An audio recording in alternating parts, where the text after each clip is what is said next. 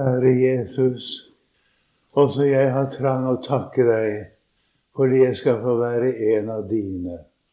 Jeg takker deg fordi du har frelst meg, at med alt som er ondt i meg og mitt gamle menneske, så er allikevel du min rettferdighet. Jesus, det er du som er mitt liv. Og Herre, nå ber jeg at du vil åpenbare deg for oss igjen. Vi er samlet her for å høre hva det er du har å si oss. Og vi ber om å få la oss lede av ditt ord. Og at du gjør det så ved din egen hellige ånd at våre hjerter er åpne for din tale.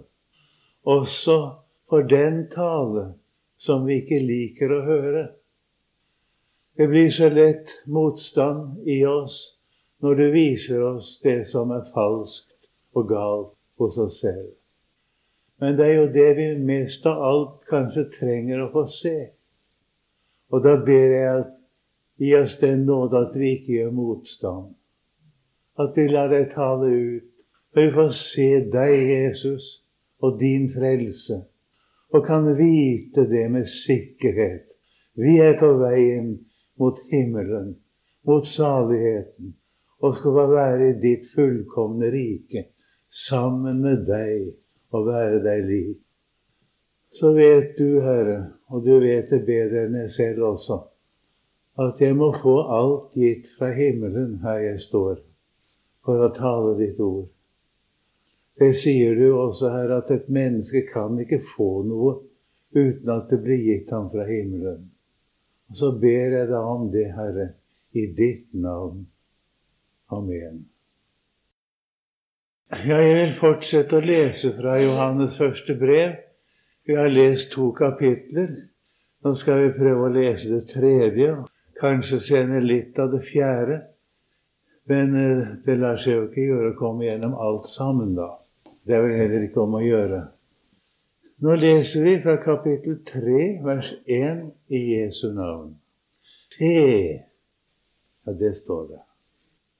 Se hvor stor kjærlighet Faderen har vist oss, at vi skal kalles Guds barn. Og det er vi. Derfor kjenner verden ikke oss, fordi den ikke kjenner Ham. I elskede, nå er vi Guds barn, og det er ennå ikke åpenbart hva vi skal bli. Vi vet at når Han åpenbares, da skal vi bli Han like, for vi skal se Ham som Han er. Og hver den som har dette håp til Ham, han renser seg selv, like som Han er ren. Hver den som gjør synd, han gjør òg lovbrudd. Og synden er lovbrudd. Og vi vet at Han er åpenbart for å bortta våre synder. Og synd er ikke i Ham. Hver den som blir i Ham, synder ikke. Hver den som synder, har ikke sett Ham og ikke kjent Ham. Mine barn, la ingen forføre eder. Den som gjør rettferdighet, er rettferdig, like som Han er rettferdig. Den som gjør synd, er av djevelen. For djevelen synder fra begynnelsen. Dertil er Guds sønn åpenbart at han skal gjøre ende på djevelens gjerninger. Hver den som er født av Gud, gjør ikke synd, fordi hans sæd blir i ham. Og han kan ikke synde fordi han er født av Gud. På dette kan Guds barn og djevelens barn kjennes. Hver den som ikke gjør rettferdighet, er ikke av Gud. Heller ikke den som ikke elsker sin bror. For dette er det budskap som vi hørte fra begynnelsen, at vi skal elske hverandre. Ikke som Kain, som var av den onde og slo sin bror i hjel. Og hvorfor slo han ham i hjel?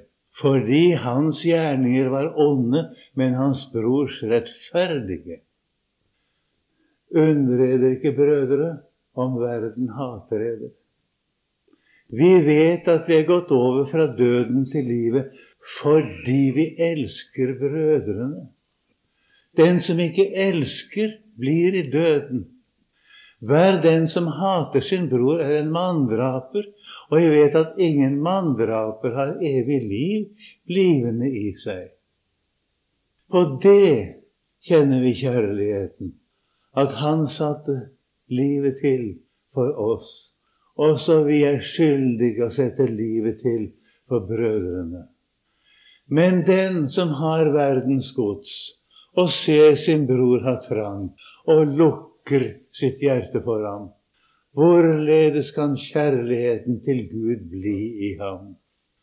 Mine barn, la oss ikke elske med ord eller med tunge, men i gjerning og sannhet. På dette skal vi kjenne at vi er av sannheten, og så skal vi stille våre hjerter til freds for Hans åsyn. For om og vårt hjerte fordømmer oss, så er Gud større enn vårt hjerte og kjenner alle ting. I elskede, dersom vårt hjerte ikke fordømmer oss, da har vi frimodighet for Gud. Og det vi ber om, det får vi av ham. For vi holder Hans bud og gjør det som er ham til behag. Og dette er hans bud.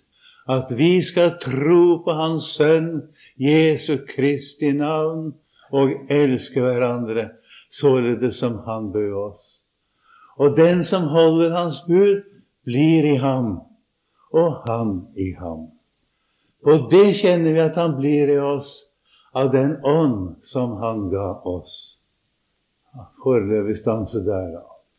Se, sier ordet. Ja, se, kjære venner, hvor stor kjærlighet Faderen har vist oss. Nå må vi ta opp igjen noe av det vi har sagt i de foregående møtene. Dette sier apostelen at han skriver til noen ganske bestemte mennesker. Det er disse som har tatt imot det som de hørte fra begynnelsen, nemlig livets ord. Han karakteriserer den slik i kapittel 2, vers 12.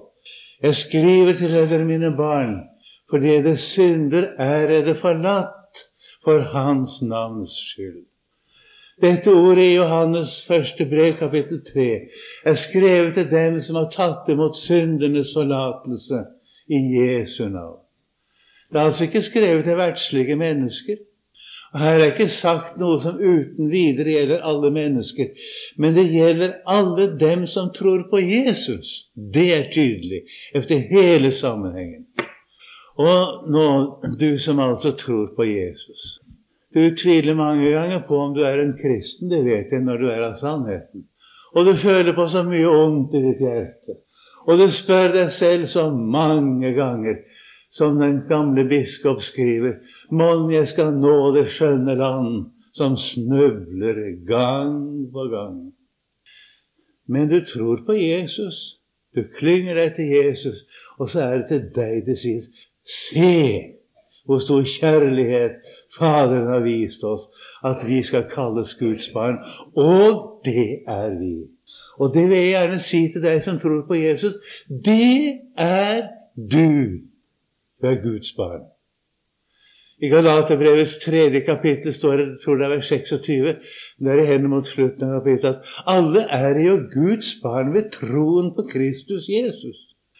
Den som tror på Jesus som sin frelse, er frelst. Det er ikke noe om eller muligens eller kanskje. Han er Guds barn. Og du har lov å si 'det er vi'. Men at dette ikke gjelder verden, det ser du ganske tydelig videre nå. Det var jeg så vidt inne på i går òg.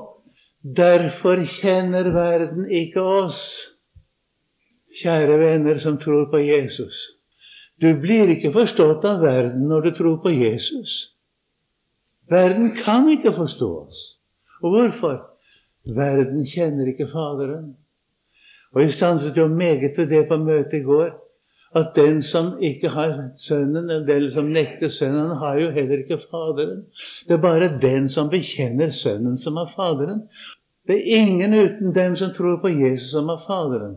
Derfor kjenner verden ikke oss, fordi den ikke kjenner Han. Men det får ikke hjelpe. Vi er Guds barn, vi som tror på Jesus. Og vi vet egentlig ikke hva vi skal bli. Allikevel, i elskede, sier ordet, nå er vi Guds barn. Og vi vet ennå ikke hva vi skal bli, men det er noe stort. Det er noe ufattelig.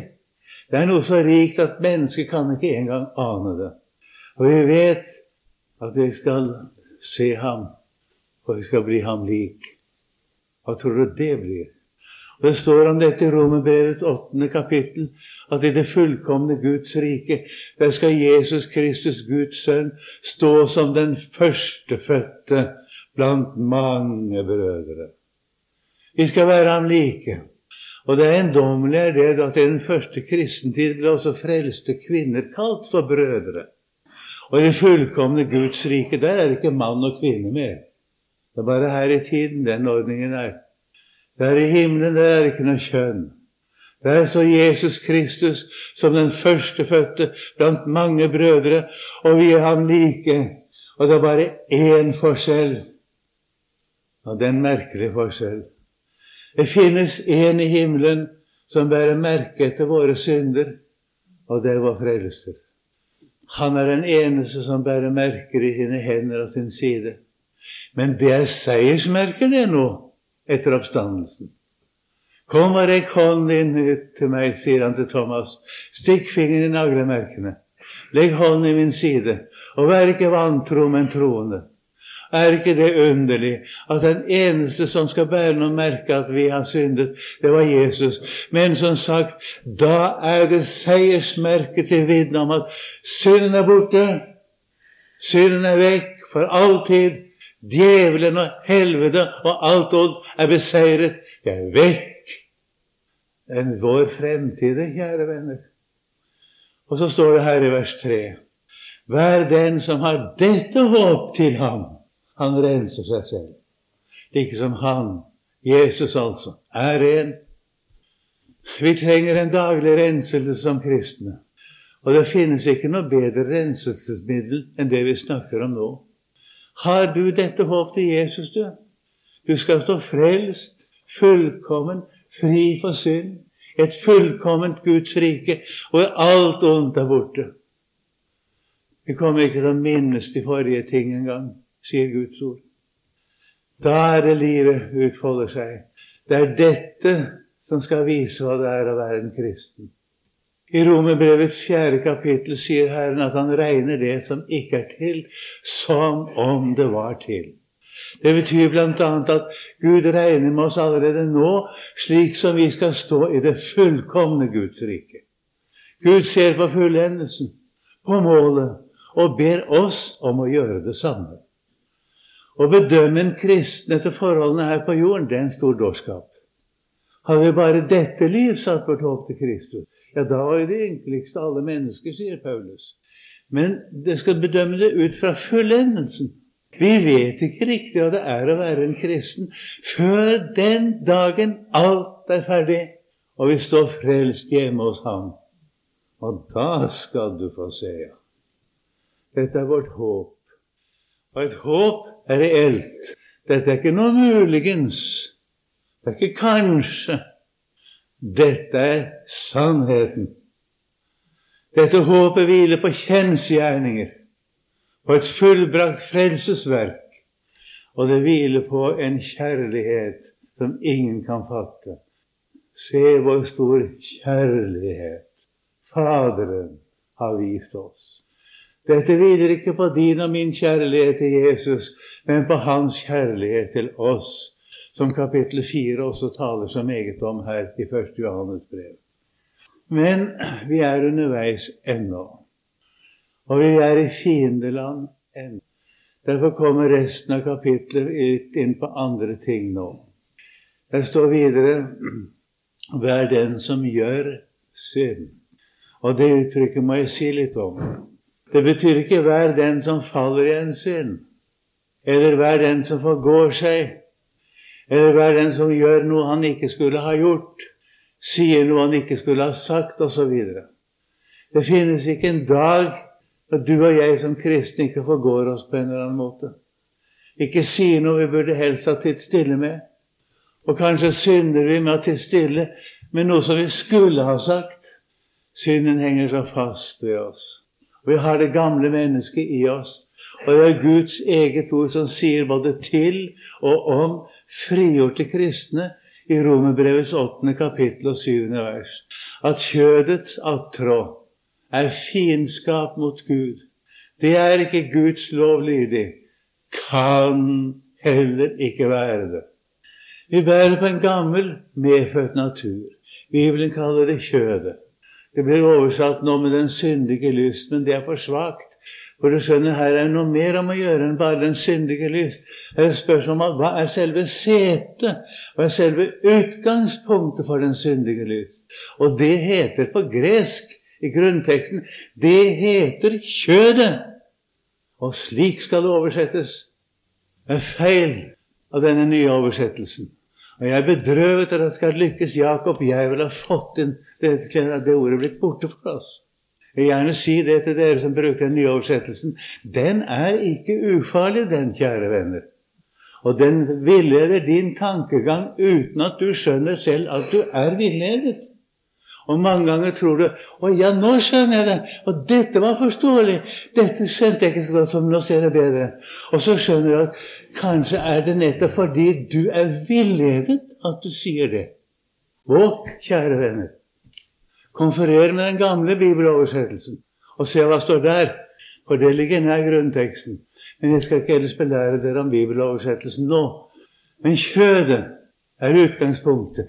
En gudfiendtlig natur som vi har bakom alle lyster og begjæringer, og som ikke er død i oss ennå her i verden. Å gjøre synd betyr at den naturen får makten over meg. Det betyr at denne gamle naturen kommer til å herske over meg. Men så er det forskjell. Én ting er å falle i en synd. En annen ting er at den syndige makt får herredømme over meg. Én ting er at jeg forgår meg og synder. Det står om det i kapittel 1, det vet du. Hvis vi sier at vi ikke har synd, så bedrar vi oss selv, da. Sannheten er ikke i oss. Men dersom vi bekjenner våre synder, er Han trofast og rettferdig, så Han forlater oss syndene og renser oss fra all urettferdighet. Vi kan ikke si at vi ikke har synd. Og står i vers 9, det siste verset, der i i Johannes første brev, første kapittel. Dersom vi sier at vi ikke har syndet, da gjør vi ham til løgner. Jo da, vi har syndet, også som kristne. Og Jesus behøvde ikke ha lært sine troende, for det er det man lærer å be, forlate oss vår skyld, som vi òg forlater våre skyldnere, hvis vi var syndfri. Det er vi altså ikke. Men det er en helt annen ting hvis det gamle mennesket får herredømme det gamle mennesket får bestemme min livsførsel. Skjønner du det? Det er min gamle natur som bestemmer egentlig både hva jeg tenker, hva jeg mener, hva jeg føler, hva jeg opplever, og hvordan jeg innretter meg. Da gjør jeg synd. Hver den som gjør synd, han gjør lovbrudd. Og synden er lovbrudd. Dertil er Guds sønn åpenbart, det vet dere, at han skal gjøre ende på synden. Og synd er ikke i ham. Og så kommer konklusjonen. Hver den som blir i ham, synder ikke. Du skjønner meningen nå? Han kan vel falle i en synd, men det gamle mennesket kan ikke herske over ham. To forskjellige ting. Hvis det gamle mennesket hersker over ham, da hører han ikke Jesus til. Altså hver den som blir i ham, synder ikke. Han lever ikke synd som i sitt element. Han lever ikke synd på den måten at han praktiserer synden. Hver den som synder, står det. Altså praktisere synd. Bestemmes av sitt gamle menneske. Hver den som gjør det, har ikke sett ham og ikke kjent ham. Og det er nok mange i dag som bekjenner seg som kristne, og som lever under det gamle menneskets innflytelse. Jeg kan jo bare nevne seksuallivet som ett av ordene. Tenk på samboere. De lever jo i hor. De lever sammen uten å gifte seg. Sier at den vielsen, den har vel ingen betydning. Det kommer an på at vi er glad i hverandre. Nei, det kommer ikke an på det, kjære venner. Ikke Guds øyne. Det er ikke det Gud spør om. Han spør om dere er viet. Om det samfunn dere lever i, er godkjente. Om de ordninger Gud har gitt i samfunnet, om de er fullført. Det spør Gud om. Og dette er, hun kan høre det fordervelige tale. En papirlapp, hva betyr det? Det er ingen papirlapp. Det er selve saken etter Guds ord. Uten at jeg nå kan si mer om det. Men bare som et eksempel. Å leve som samboer er å praktisere synd. Og hver den som gjør det, har ikke sett Jesus og kjenner ikke Jesus. Eller så holdt de ikke ut i det forhold. De gjorde ikke det. Og rammer dette noen som gjør det her, så skjønner du det er sant, det jeg sier. Jeg tenker, om du lever et slikt forhold Du har grått dine modige tårer uten at noen vet det. Kjære dere, gift dere da. Slutt på det forholdet, om så er. Den som synder, altså praktiserer synd, har ikke sett Jesus. Han kjenner ikke Jesus. Og om han har gjort det, så har han kommet bort fra ham. For det står videre Hør nå, mine barn, sier apostelen. Mild i tonen. Det er Jesus som er mild i tonen, også overfor syndere. Den som gjør rettferdighet. Og det betyr den som innretter sitt liv etter Guds ord. Den som er innstilt på det som Gud sier, for å følge det. Om ikke alltid lykkes ham, så er det i hvert fall det han er innstilt på. Den som gjør rettferdighet, han er rettferdig. Han gjør rettferdighet like som han, Jesus, er rettferdig. Den som gjør synd. Da våre gamle mennesker hersker, er av djevelen. For djevelen synder fra begynnelsen. Dertil er Guds sønn åpenbart at han skal gjøre ende på djevelens gjerninger. Og Det betyr i denne sammenheng at Guds sønn er jo åpenbart for å sette en stopper på vårt syndeliv en stopper for djevelens makt i livet vårt. Om du ser altså der i vers 9 Hver den som er født av Gud, han gjør ikke synd. Han praktiserer ikke synd, altså. Fordi Guds sæd, hans sæd, hans ord, blir i ham. Han kan ikke synde fordi han er født av Gud. Han kan ikke la det gamle mennesket herske, med andre ord, fordi han er født av Gud. På dette kan Guds barn og djevelens barn kjennes. Bruker du andre kjennetegn enn det? På dette, sier Skriften, kan Guds barn og djevelens barn kjennes. Nå kan jeg ikke se dere, jeg, kjære venner, og hvor inderlig jeg hadde ønsket å kunne se dere. Jeg tror det er mange unge her også i denne forsamlingen. Men enten du er ung eller eldre, men kanskje jeg sier først og fremst til dere unge nå har jeg et spørsmål til dere. Mange av dere har utvilsomt sagt ja til Jesus. Du vil være en kristen. Du vel også kommet til Jesus, og du er altså kanskje blitt en kristen en dag. Men nå må jeg spørre deg om noe. Du som har sagt ja til Jesus. Har du sagt nei til verden? Har du det? Ja, det spør Gud deg om. Har du sagt nei til synden. Det er ikke mye hjelp i å si ja til Jesus hvis du ikke har sagt nei til verden. Du hørte ordet i går, åpningsandakten. Ingen kan tjene to herrer. Det er umulig. Og den som prøver på å tjene to herrer, han tjener i virkeligheten bare én, og det er ikke Gud. Vil du ikke si nei til synden, og nei til verden, så er det ingen hjelp i at du bekjenner deg som en kristen. Ingen hjelp i å være med i kristelig arbeid. Du kan like godt gå rett ut med en gang. For det er det at du vil være en kristen og ikke si nei til verden, det er selve hykleriet, sier Jesus. Ingen kan tjene to herrer. Og dette taler Guds ord om her nå, videre, som du hører. Vi kommer nå til vers 11. Der står det bare den, eller, eller hver den som ikke gjør rettferdighet, er ikke av Gud. Heller ikke den som ikke elsker sin bror. Elsker du brødrene? Elsker du de kristne? Eller klager du på dem? Jeg har møtt ungdomsgrupper, og jeg har møtt TenSing-grupper. Og jeg har vært engasjert i sjelesorg med dem, og Herren har fått frelse mange også. De er så åpne og ærlige, mange av dem, at det er en velsignelse å høre på. Og det er ikke så lenge siden de stanset igjen på et møte. Jeg var en del og sa vi er en TenSing-gruppe. Vi må få lov å snakke med deg. Og nå siterer jeg akkurat hva de sa. Vi vil gjerne gjøre noe for Jesus og skal synge. Men det er blitt klart for oss at det er noe galt med oss. Så vil vi snakke med deg. Når vi har våre øvelser, eller vi har vært ute og sunget, så kommer vi sammen etterpå og har det gøy. Og det er jo egentlig det som er moroa, han. Det å ha det gøy etterpå. Og da danser vi. Og da var det ikke helt fritt for at det kunne være alkohol med i spillet. Og så spør jeg ja, ja, stopper dere der, da, sa jeg. Så ble det stilt. Nei. Nei, dere gjør nok ikke det, sa jeg, for når dere er ferdig med det, da driver dere hor, ikke sant? Jo. Jo, sa det. Det var ett eksempel. Men det er mange av dem. Kaller du dette for kristent arbeid? Og når vi prøver å tale om dette her, så møter en fryktelig motstand. Må ikke dømme de unge. Må ikke støte de unge bort. Nei, det skal det visst ikke støte bort, men jeg vil at de skal bli frelst. De er borte.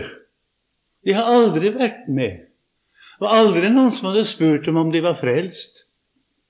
I navnet sa de at de ville være kristne. Men du skjønner at dette her er ikke kristendom. Og dette jeg sier nå, det er ikke et isolert fenomen som jeg har truffet på en enkel gang, men det er karakteristisk for tiden som vi lever i. Guds ord har forutsett dette, og Guds ord taler advarende mot dette. Den som ikke gjør rettferdighet, er ikke rettferdig. Og med rettferdig tenkes her på den å være en kristen, altså. Den som ikke praktiserer å være en kristen, han er ikke en kristen. Og den som ikke elsker brødrene. Og så hadde disse TenSinger og andre de har så mye å kritisere de gamle kristne for. Og de er så sta. Og de er så Jeg vet ikke hva, vet du. De er så umulige, de gamle kristne. For de kan ikke holde med de unge i alt dette. Men naturligvis gjør de ikke det. Men kjære dere, hvem er det vi skal høre på? Er det ikke Jesus, da? Er det ikke Guds ord, kjære venner? Om denne leder Ja, han godtar det. Eller en annen leder. Han godtar det også. Vi går til fortapelsen når vi går på denne måten her. La ingen forføre dere, står det her i brevet. Og jeg nevnte det forleden. Det betyr la ingen lede dere til helvete. Men ordet forføre betyr nemlig det. Ikke vær som Kain. Han var av den og han slo sin bror i hjel. Han ville bli kvitt ham. Det finnes mange unge som gjerne blir kvitt meg. Det er sikkert. Nå går det ikke an å slå meg i hjel akkurat på den måten, da. Da gjorde de meg en stor tjeneste, for da kom jeg til Jesus. Men det er ikke det. Det skjer ikke på den måten allikevel. Og hvorfor slo han ham i hjel? Fordi hans gjerninger de var onde, men hans brors rettferdige. Hans bror var i samsvar med Herrens ord, men det var ikke Kain. Og da kunne ikke Kain tåle at Abel var rettferdig. Og sånn er det i dag òg. Og det er det som er konklusjonen her i vers 13. Undre eder ikke, brødre, om verden hater eder. Man skjønne, verden forstår oss ikke. Og en kristendom som verden ikke hater, det er slett ikke noen kristendom. Og Jesus taler om det i Johannes 15 fra vers 18. Var i av verden, da ville verden elske sitt eget, sier han. Men fordi I ikke er av verden, men jeg har utvalgt dere av verden, derfor hater verden dere. En kristendom som verden anerkjenner, det er ingen kristendom. I sin ypperste prestelige bønn sier Jesus i Johannes 17, står det her særlig vers 14, Jeg har gitt dem ditt ord, sier Jesus til Faderen om sine disipler. Jeg har gitt dem ditt ord. Og egentlig står det og følgelig har verden hatet dem. Jeg har opplevd det. Når Jesus har gitt sitt ord i mitt hjerte, og jeg forkynner det, så hater verden meg. Og særlig den religiøse, da. For verden er verst når den er religiøs. Og verden er egentlig meget religiøs. Verden har hatet dem fordi de ikke er av verden, like som jeg ikke er Jesus sier til Faderen, 'Jeg ber ikke at du skal ta dem ut av verden.' Han har bruk for oss som vitner, men at du skal bevare dem fra det onde. Og det er formålet her. Du som hører på meg her, at du skal bli bevart fra djevelen og hans makt. At du skal bli frelst. At du skal havne der i det fullkomne Guds rike. Det er det som er formålet med denne tale. Og vi har et kjennetegn. Vi vet at vi er gått over fra døden til livet fordi vi elsker brødrene. Den som ikke elsker, blir værende i døden. Han er ikke kommet ut derfra. Og den som hater sin bror, han er en manndraper. Og jeg vet at ingen manndraper har evig liv livende i seg. Det er ikke til å ta feil av. Så viser Jesus oss det som er riktig. På det kjenner vi kjærligheten. At han, at Jesus, satte livet til for oss. Ja, derfor er jeg frelst. Fordi Jesus satte livet til for min skyld. Kjøpte meg fri fra min synd med sitt eget blod. Derfor er jeg fri. Og det kjenner jeg kjærligheten. Han satte livet til for oss, og så vi er skyldige å sette livet til for brødrene. Og jeg skulle gjerne tåle noen påkjenninger og noen lidelser. Om jeg kunne frelse dem som det er galt med. Skal jeg gjerne. Og jeg er ikke så ukjent med slike lidelser heller, for den saks skyld. Så kommer en anvendelse av dette. En spesiell anvendelse. Den som har verdens gods, altså har verdslig og jordisk eiendom. For det går an å ha det også om man er en kristen. Det går an. Og Abraham var en rik mann. Men hans hjerte var ikke hans rikdom. Det var det ikke. Og jeg vet om en broder. Han var millionær. Men hans hjerte var hos Jesus. Det var sant. Og hva han gjorde for Herren, det var ufattelig. Så det går an. Men det er noe som ikke går an, og det står her. Om noen har denne verdens gods, og så ser han sin bror være i mangel, altså. Ser sin bror lide nød, og så lukker han sitt hjerte for ham. Det går ikke an. Hvorledes kan kjærligheten til Gud bli i ham? Og jeg husker et minne. Det er så sårt.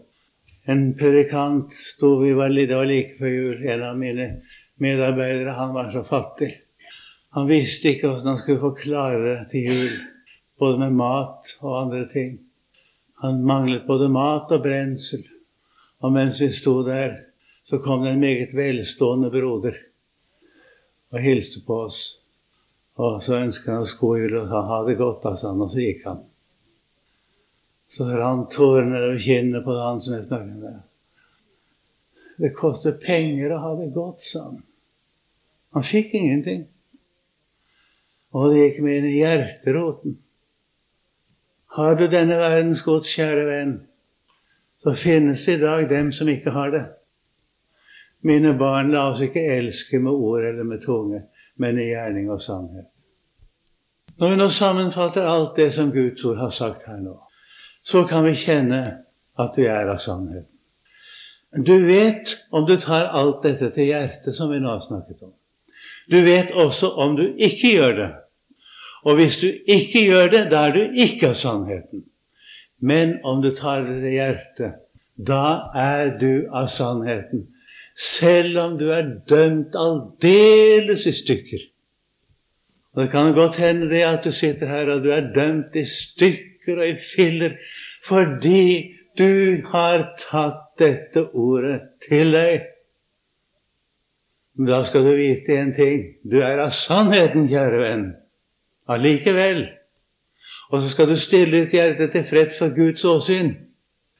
For om men vårt hjerte fordømmer oss. Og det kan hende at det er nettopp det det gjør nå. Nå fordømmer ditt hjerte deg, og med rette. Så skal du vite at Gud er større enn ditt hjerte og kjenner alle ting.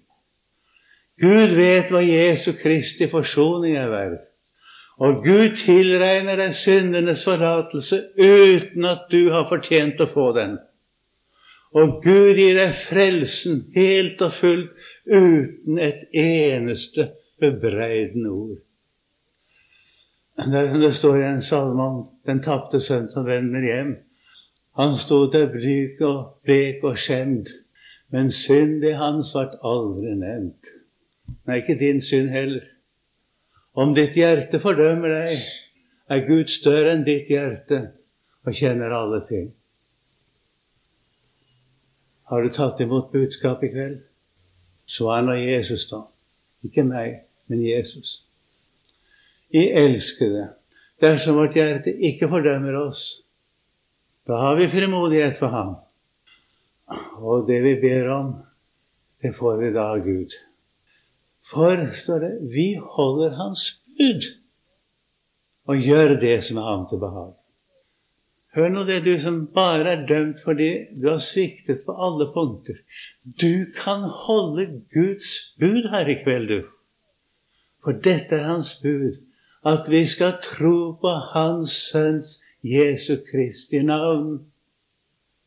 Du kan sette din lit til Jesus. Du kan takke Jesus for frelsen og ta imot den. Og si til Jesus, kjære, kjære frelser, hva jeg enn har syndet og hvor forferdelig enn er. Jeg kommer til deg. Jeg tar imot deg. Jeg stoler på deg. Da holder du hans bud. Og da gjør du det som er ham til behag. Og så skal vi få elske hverandre slik som han bød oss. Og det vet vi fra kapittel 5 at hvis du elsker Gud og holder Hans bud, altså det å tro på Jesus, da elsker du også brødrene. Altså På dette står at kjenner vi at vi elsker brødrene når vi elsker Gud og holder Hans bud. Den som gjør det, han elsker brødrene. Og det gjør du når du tar imot ham.